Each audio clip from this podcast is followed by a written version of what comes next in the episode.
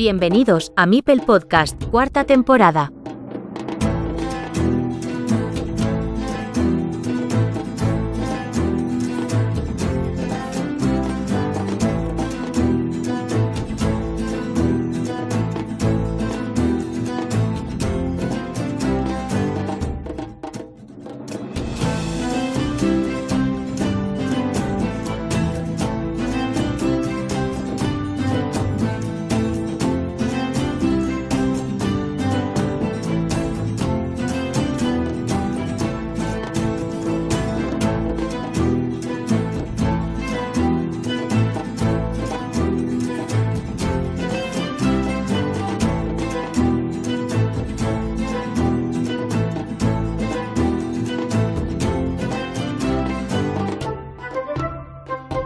Queridas amigas y amigos, nuestro protagonista en esta ocasión es alguien que visitó Mipel Podcast en el último episodio de la temporada 1.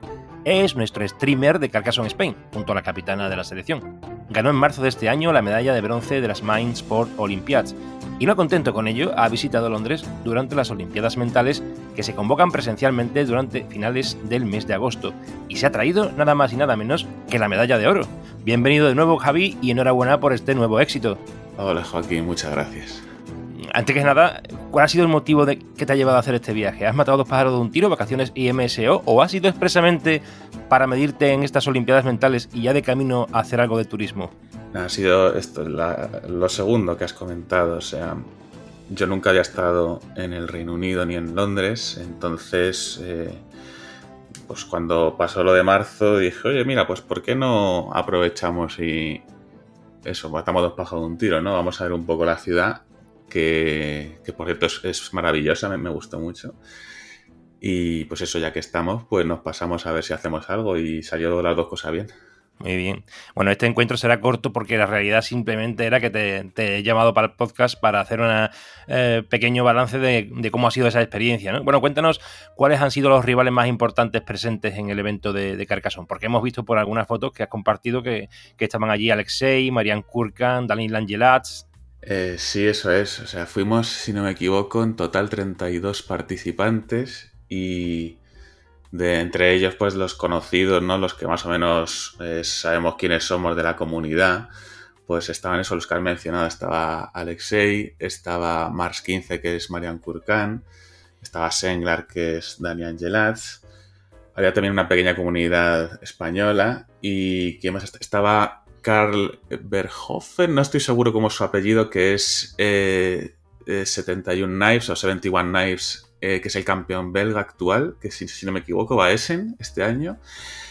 Y estaba Statmat, que además es uno de los organizadores, y Jack Face, que es otro jugador inglés que pues a lo mejor alguien se ha cruzado. Y del resto, pues no sé si había alguien más conocido, pero vamos, el resto se completaba, se completaba con jugadores eh, anónimos. Sobre Mac Tucker, precisamente él forma parte, como has dicho, de la organización de este torneo de Carcassonne, pero también ha participado eh, en él. No es que constituya un crimen ni un delito que un miembro de la organización de un torneo como este se encuentre también entre los participantes, pero dada la envergadura ya de, y el renombre de este torneo a nivel internacional, sí que puede resultar, bueno, no sé, pues, cuestionable desde, diferentes puntos de, vista, eh, no ya a nivel ético, sino técnico, ¿no? Porque una persona que está dedicada a, a la organización tal vez pues cuesta más trabajo de jugar y ha quedado tercero. ¿Cómo ves tú esta, esta idea? a ver, a priori sí, no, pues a uno le chirría. De hecho, yo se lo dije, le dije, ah, pero que tú juegas. me dice, sí, claro. Y a ver, es que luego también es cierto lo que, o por lo que yo creo que me he dado cuenta, es que a nivel organizativo como que, como que les falta, ¿no? En ese sentido. O sea, él lo lleva todo con un portátil y ya está. O sea, era, yo como que me esperaba que el evento presencial fuera así como un poco más entre comillas, ¿no? Porque luego estuvo muy organizado, pero un poco más rollo profesional en el sentido de más, ¿cómo decirlo? Solemne, ¿no? Pero sin embargo, no, dejaba de ser como un torneo que podemos hacer nosotros en, pues yo que sé, en el Eiffel, ¿no? Solo que simplemente pues un poquito más grande y eso, y un poquito más internacional. Entonces, bueno, vamos, en cualquier caso, o sea, sí que verá que me, o sea, me fijé en eso, pero que no, sea, no fue más allá, simplemente él era un jugador más y ya está. Bueno, eh, ahora te voy a hacer la pregunta de, digamos, central de, esta entrevista y aquí ya prácticamente finalizamos. Te hago una pregunta más después y nada más, porque esta es la idea de la entrevista, que cuentes tu hazaña, eh, el periplo hacia la medalla de oro, las fases del torneo, los rivales, tus dificultades y las anécdotas que nos quieras contar. Así que aquí tienes rienda suelta. Vale, pues. Eh, pues a explayar qué cojones. Entonces, bueno, todo esto viene la idea del viaje viene, pues eso, una vez después de. Eh, después de ganar el tercer puesto en el Grand Prix, que es el evento online que se celebra en marzo. Y. Entonces, pues eso, una vez que, estabas allí, bueno, hay que decir eh, que esto te va a gustar a ti, lo de cómo se estructuró el torneo, que hubo cosas a mí que, no me, que también me, me un poco. Hay que decir, había 16 mesas, 32 jugadores, todas con reloj como Dios manda, y se jugaba un suizo de nueve rondas, de las cuales cuatro eran hasta la hora de comer, las 12.45 de la mañana, telita, y luego el resto por la tarde. Y bueno, pues eh, quitando dos partidas, el resto fueron pues contra jugadores así fuertes o de renombre. Y pues nada, empecé con una partida contra un jugador anónimo que fue sencillo. La segunda partida fue la, única que perdí y posiblemente la partida que más me gustó, que fue contra Alexei. No por ser contra Alexei, sino porque fue la única, digamos, en la que me vi por detrás la mayoría de las partidas. Sí que, o sea, la mayoría de la partida, porque sí que es cierto que el resto de las partidas, pues tuve, no sé si fue la, la pericia o la fortuna o ambas cosas de que pues me fueron saliendo más o menos de cara desde bastante pronto. Y en esta tuve que intentar remontarle y de hecho nos quedamos los dos a 2 y 5 segundos respectivamente de nuestro tiempo. Teníamos 15 minutos por jugador. Vaya. Y mm, luego la, pues el resto fueron la tercera, igual fue contra un jugador bastante novel.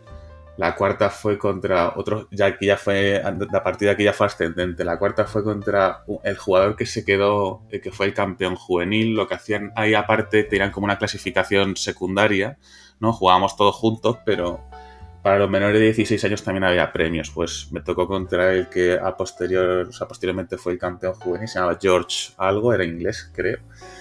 Y la verdad es que era un buen jugador, pero cometía los típicos errores, ¿no? De cuando estás empezando de ser muy arriesgado y demás.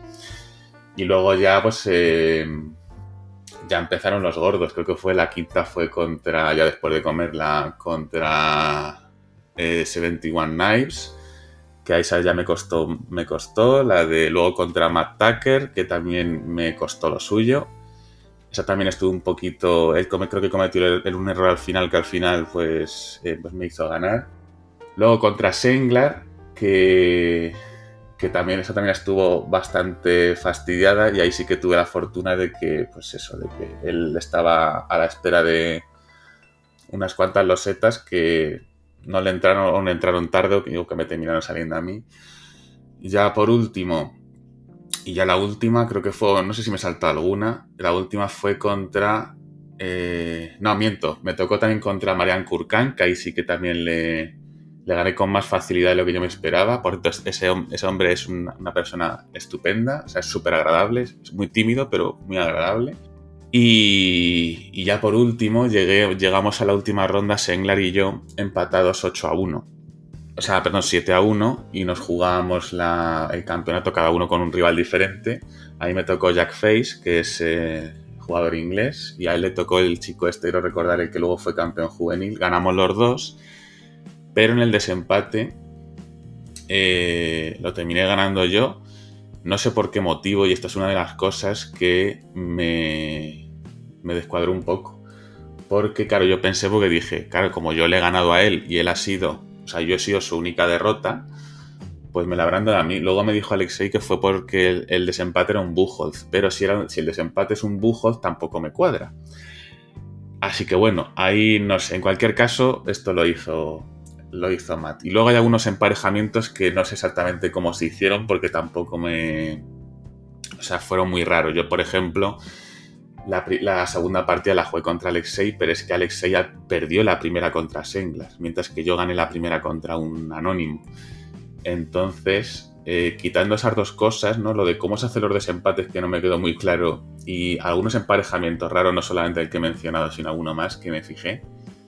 Por lo demás, el torneo estuvo bastante bien y se ajustó bastante bien a los tiempos. Y nada, y después de eso, pues eh, entrega de medallas y, y poco más. ¿eh? Mm, sí, siendo pares, eh, la verdad es que siendo pares. Exacto, es que no hubo ningún bye, no hubo ninguno, ningún skip. Claro. en realidad no tendría que haberte tocado con ninguna persona de un punto menos. Exacto, es que eso fue lo que me, lo que me sorprendió. Por ejemplo, esta, el, el, último enfrentamiento a mí me tocó contra Jackface, que iba cuarto, yo iba primero, y Jackface iba cuarto. El segundo y el tercero creo que eran, era el propio Senglar y el tercero creo que era Alexei. Entonces, claro, yo no podía jugar contra ellos dos veces. Y sin embargo, Senglar, que iba segundo, creo que le tocó contra el chico este que iba como noveno o décimo. Y dije yo, joder, y el sexto, séptimo, octavo y, octavo, ¿qué pasa? Bueno, ya en la última ronda ya es complicado porque el, sistema de emparejamiento, si se utiliza un software profesional de. Sí, él, usaba un software, de hecho, no sé qué software era, pero lo usaba, sí. Pero no, siempre me sorprendió que a lo mejor luego está, todo bien, ¿sabes? Pero que, hubo esas cosas como eso, como esto del final y, es, y lo de Alexi, que dije, joder, aquí esto no debería ser así, pero bueno, tampoco me voy a poner yo ahí a, ya, ya, bueno, y menos con, lo, con el resultado final. No, claro, y menos a, No, no, pero digo, digo durante el torneo, ¿no? Tampoco dije, bueno, vaya, tú sabes que al final pues, me, toque quien me toque, pero dije yo, qué raro, ¿no? Esto no debería ser así. Pero bueno. No obstante, el Buchol, como comentas, puede ser Buchol menos uno, un Buchol mediano, que te puede quitar el peor resultado, o el, primero, el peor y el primero, el más importante. Sí, no me sé la variante, sé que hay muchas variantes, no sé cuál es, pero según me dijo Alexi, fue eso, era por. Él me dijo, no, es, es Buchol por mm, los puntos de los rivales. Y yo dije, joder, pero si Sengla solo ha perdido contra mí, que soy el primero, y, y yo solo he perdido contra Alexi, que al final quedó cuarto, pero empatado a puntos con el tercero. No sé, una cosa muy rara. Pero vamos, que. El Bucho lo que hace es sumar los puntos de tus rivales. No a quien le ha ganado, no tiene importancia a quién le haya ganado, entre comillas, sino que tus rivales, tú tienes una columna de aparte en el desempate y ah. sumas los puntos de ellos. Entonces, si has jugado contra jugadores que han quedado mejor clasificados que, que Senglar, seguramente muchos los habéis compartido. Son jugadores que, habéis coincidido con ellos, pero habrá alguno, seguramente, que tú, con que tú hayas jugado con, uno que, haya quedado por encima de otro mm, diferente, porque haya jugado él, ya tienes la diferencia ahí. Pero bueno, eh, pues, lo importante es que te has vuelto con la, con la medallita de oro. Y 30 pelotes, ¿no? ¿Eso cómo es?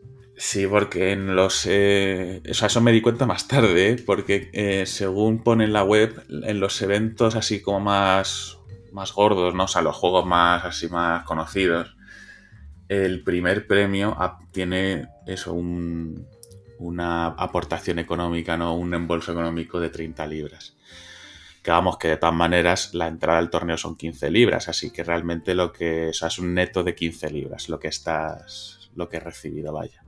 ¿Y te costó el dinero la otra medalla? Eh, te voy a decir en el Telegram, por el tema del envío.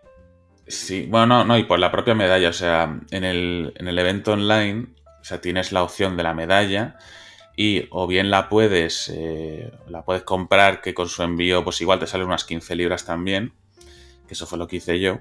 Vaya. O bien te daban la opción de recogerla en el evento presencial este de agosto, pero claro, yo en aquel momento no tenía pensado o no sabía que finalmente iba a ir. Así que, pues sí, efectivamente, me o sea, la primera me costó dinero y en esta, pues. ¿Lo has recuperado?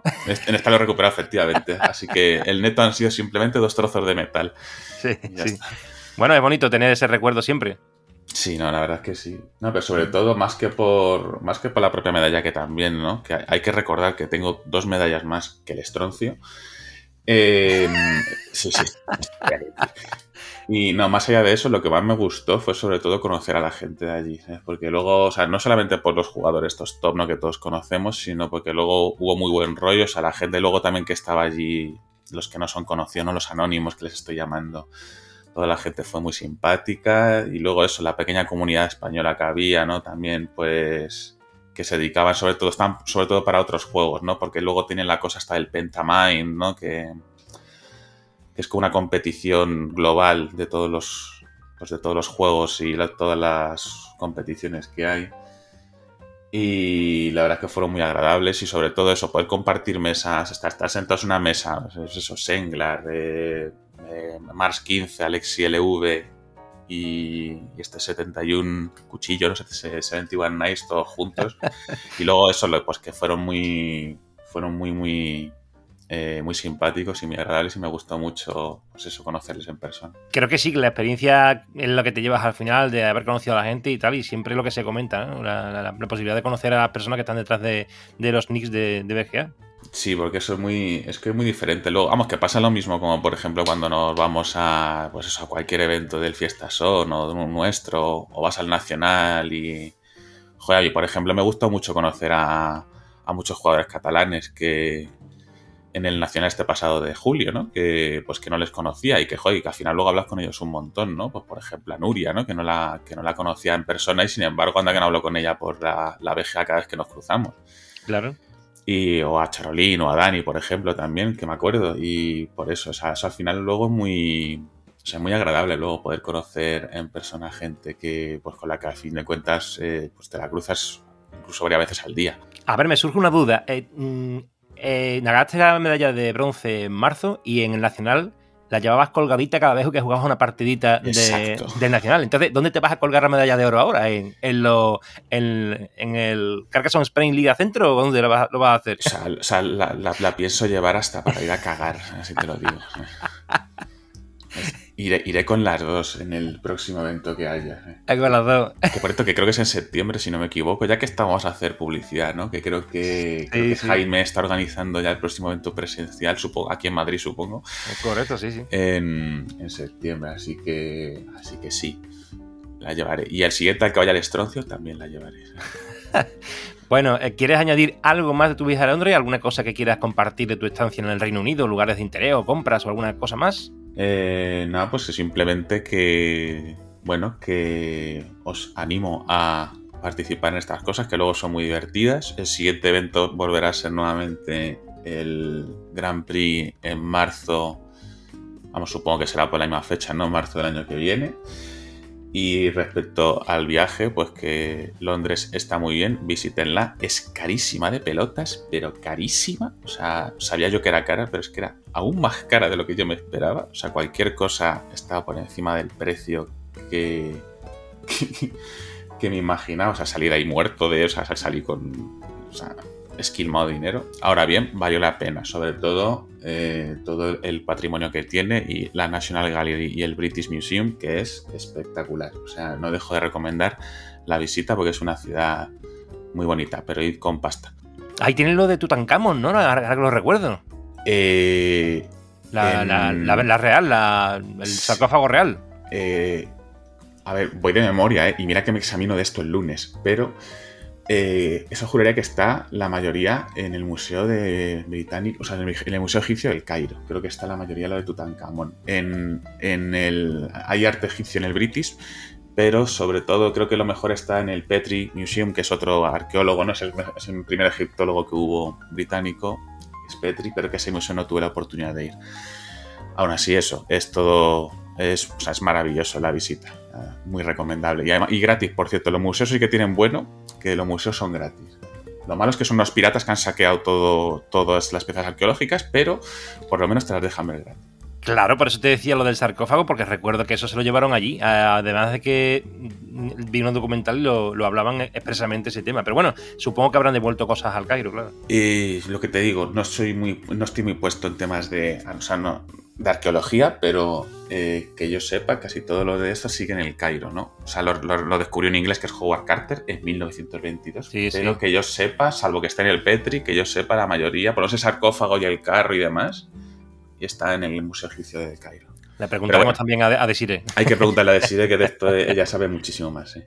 Bueno, Javi, te despido aquí no sin antes preguntarte si estás decidido continuar con el streaming de Carcassonne Spain, que te veo muy metido en el tuyo, pero no sé si el Carcassonne Spain lo vas a llevar tú o, si la capitana. Sí, eso es algo que justo cuando has hecho la introducción lo iba a matizar. No, yo del streaming ya me quité, del streaming de Carcassonne Spain.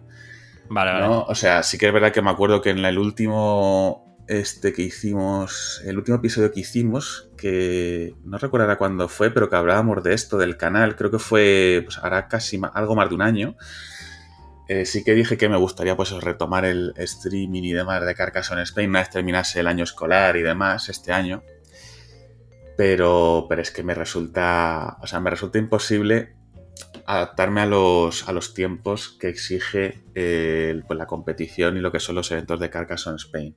Sí que es cierto que le he estado dando más al mío, pero claro, esto es esto no sé si lo, lo expliqué ya en su momento, ¿no? Yo mi streaming, hago streaming pues en el momento en el que a mí me apetece y de lo que a mí me apetece hacer, ¿no? O sea, si un día no quiero streamear, pues no streameo, si un día quiero streamear, streameo.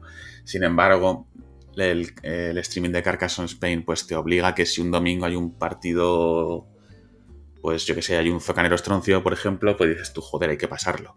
Pero tú imagínate que no tiene ganas. Entonces eso, digamos, es lo que a mí ya me... Eso, bueno, y luego pues temas laborales, ¿no? Que el año pasado fue bastante duro el... Vamos, este curso que terminó en junio fue bastante duro fue lo que me hizo bajarme, ¿no? Y por eso, pues, enseñé un poquito a Valle cómo iba todo y, vamos, ella ya, ya en su momento tomó la rienda y ahora pues que pues lo está llevando muy bien, ¿no? Vamos, ella y quien se quiere incorporar, ¿no? De la asociación. Así sí, sí, claro. Yo en un primer momento, o sea, yo en principio, pues, a ver, salvo, o sea, no descarto, pues, yo qué sé, pues volver a, para alguna cosa puntual, pero mm, en principio todo eso lo va a llevar Valle y yo en temas de streaming me hace entrar en, en, mi canal. Por cierto, twitch.tv barra julianovga, por si alguien me quiere bueno, de todas maneras, siempre es de agradecer que hayas iniciado esta, esta andadura, porque así, bueno, después lo has retomado aunque fuera Valle y como tú dices, cualquier persona que se pueda añadir.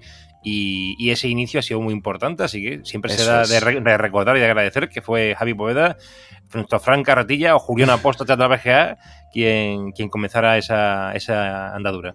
Así que, es bueno. que es eso, es que como es algo muy. O sea, lo de poner los cimientos está bien. O sea, lo, echar a andar no es lo que hay que hacer, ¿no? Ya estoy. Una vez ya que se echa a andar, que está ya todo montado, tú lo único que tienes que hacer es te bajas el OBS, le das al botón de grabar y ya tiras para adelante. Pero vamos, lo que es todo lo gordo, ¿no? De crear comunidad al principio y hacer pues, algunas cositas y demás, ya está hecho. Bueno, muchas gracias por tu visita de nuevo al canal, Javi. Ah, gracias a ti por, por llamarme, claro. Muy bien, pues a nuestros oyentes os esperamos en el próximo programa.